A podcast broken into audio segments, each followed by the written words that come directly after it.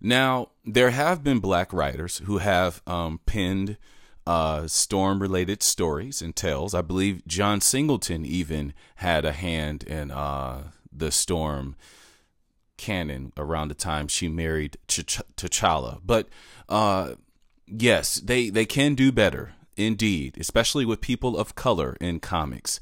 I really was not a fan of Black Panther as a comic book character, to be honest with you. I've never really read it all that much, and I have yet to see the film. So I will check the film out when it comes on iTunes.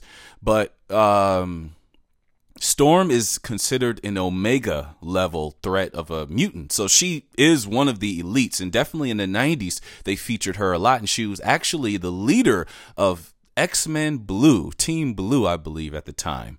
Uh, so she's had some great prominence, but it's in it's been more in the comic world than in the movies.